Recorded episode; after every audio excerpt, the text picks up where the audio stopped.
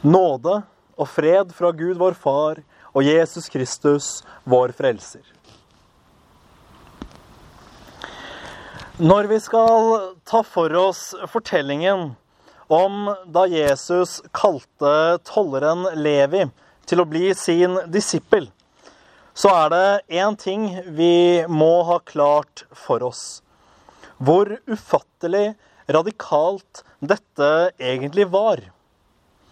Vi må ikke rote oss inn i bortforklaringer og prøve å si at Levi var vel ikke så ille som de rundt ham skulle ha det til. Jo, han var nok det. Levi var en toller. Han tok inn penger fra sine landsmenn på vegne av den romerske okkupasjonsmakten. Og han tok gjerne mer enn han skulle ha, så han kunne stikke litt ekstra i sin egen lomme også. Omgangskretsen hans var nok ikke særlig mye bedre. Det står at da Jesus tok inn hos Levi på gjestebud, så var det mange tollere og syndere der også. Greit nok at Levis kolleger var til stede, men denne hopen som de kaller for syndere Her bruker evangelisten et ord som beskriver de innbitte. De som aktivt og vel vitende lever et syndig liv i opposisjon til Guds ord.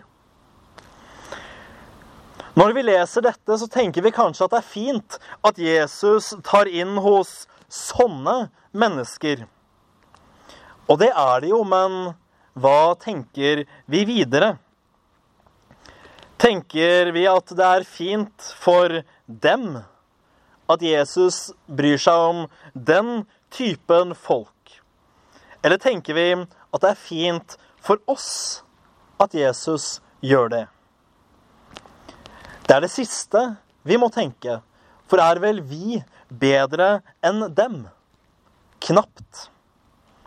Også vi er syndere, gjerne vrange og innbitte, når vi gang på gang viser at vi elsker våre synder høyere enn Guds bud. Og det er nødvendig at vi forstår hvor dypt fordervede syndere vi faktisk er. Unnskyld, den setningen må jeg ta på nytt. Det er nødvendig at vi faktisk forstår hvor dypt fordervede syndere det faktisk var Jesus delte måltid med denne gangen. Og det er like viktig at vi forstår hvor dypt fordervede syndere vi er. For å forstå dette så skal vi bare se på budene. Ingen holder vel alle av et helt udelt hjerte. Og om vi er ærlige, så kan vi kjenne syndens fordervelse i vårt indre. Men når vi leser denne teksten og ser hva slags mennesker Jesus faktisk søker til, da skal vi trøstes heller enn å forferdes. Fordi teksten viser oss at selv ikke den verste synder er utenfor Guds nådes rekkevidde. Det Jesus gjør når han kaller Levi til sin disippel og deler bord med ham og hans venner, det er at han viser seg som synderes venn. Dette er ikke for å si at Jesus elsker at vi mennesker synder, eller at han har behag i å omgi seg med de som lever i opprør mot Gud. Jesus kom selv for å frelse oss fra våre synder, og da er det også nødvendig at han går syndere i møte. Jesus han står ikke på avstand og roper til oss 'Du må fikse deg selv, så kan du komme til meg'. Nei, det er ikke Jesus. Jesus går rett bort til synderen og sier 'Følg meg'. Jeg har legedom for din sjel og for dine synder. Gi opp ditt eget strev, dine egne gjerninger. Ingenting vil tilregnes deg som rettferdighet og frelse. Bare tro på meg. Så ser vi at flue. så ser vi at fariseerne begynner å murre. De liker dårlig at Jesus spiser og drikker med så fryktelige folk. Ved første øyekast irriterer det seg kanskje med rette. Hva har vel noen å gjøre med sånne? Men det er å misforstå Jesu kall og oppdrag.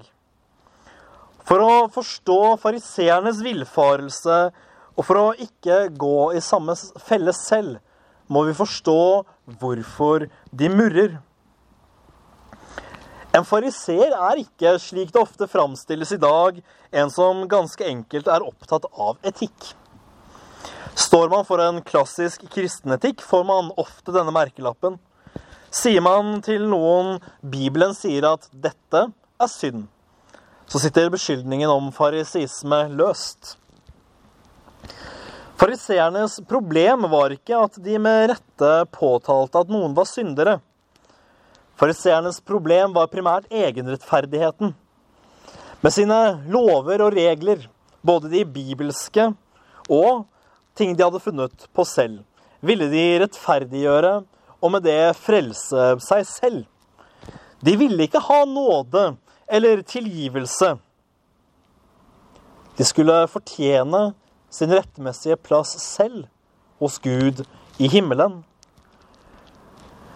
Det sekundære problemet det følger like bak. Syndere uten noen gjerninger å vise til unner ikke fariseerne nåden. Og dette viser oss fariseernes ondskapsfullhet på alle måter. En fariseer vil gjerne smykke seg selv av sine gjerninger.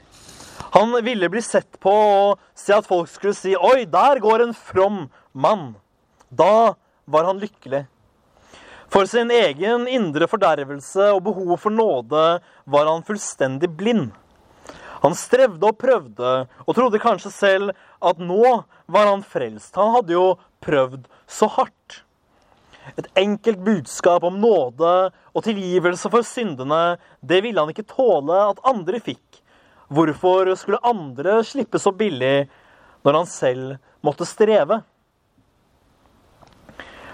Det er i møte med dette at Jesus kommer med sitt viktige korrektiv om at det er de syke, de som har det vondt, ikke de friske, som trenger lege.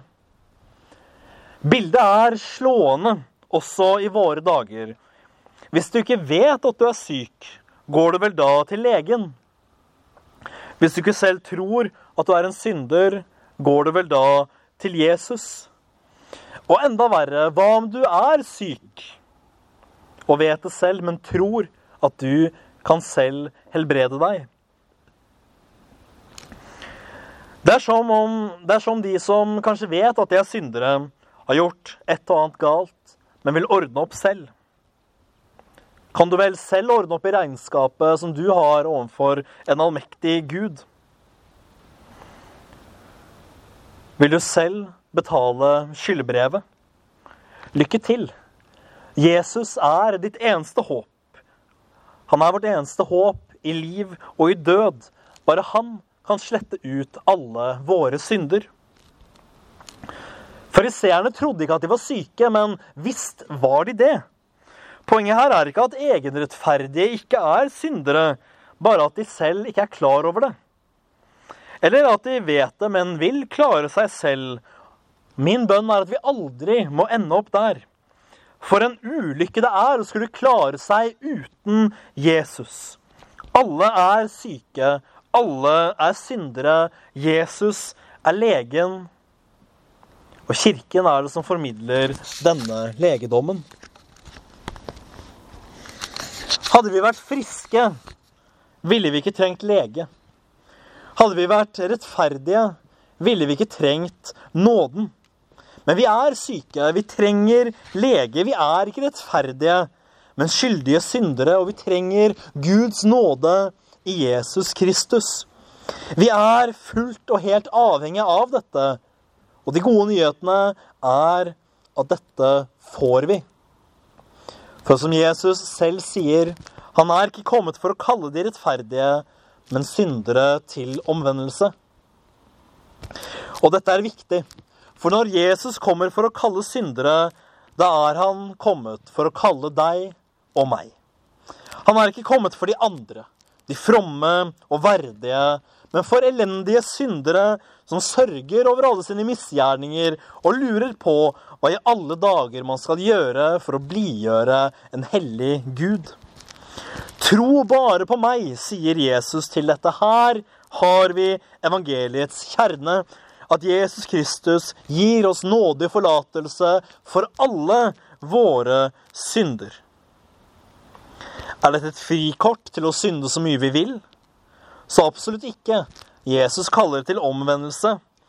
Det betyr at vi med et alvorlig hjerte må søke å vende oss bort fra vårt syndige liv. Alt det Bibelen kaller synd, og til Kristus. Vil du ha nåde uten anger, da synder man på nåde og setter Guds kjærlighet og tålmodighet på prøve. Og det tror jeg ikke er så veldig lurt. Men dette handler heller ikke om at vi skal slutte helt å synde i dette livet. Det må vi ikke tro. Mange vil si at syndfriheten i øyeblikket man blir en kristen, er frukten som man skal vise til for sin tro. Dette er noe som må fordømmes på det aller strengeste. Hvem kan vel klare det? Da er vi på full fart inn i gjerningshelligheten, og det skal vi vokte oss for, for da vil vi frelse oss selv. Vi vil alltid streve med våre synder helt inntil den dagen Jesus henter oss hjem til seg. Å tro noe annet ville være å lure oss selv. Men vi må også vokte oss for å elske våre synder så høyt at vi stadig finner unnskyldninger for dem. Det er naturligvis også farlig. Jesus han kom for å ta på seg den straffen vi skulle hatt. Og kallet fra Jesus er tydelig venn om og tro evangeliet. Legg av kjærligheten til dine behagelige synder, men legg også av forsøket på å prøve å frelse deg selv. Følg meg, sier Jesus. Hos Jesus vil du finne nåde, tilgivelse og legedom for din syke sjel. Ære være Faderen og Sønnen og Den hellige ånd, som var, er og blir en sann Gud fra evighet og til evighet. Amen.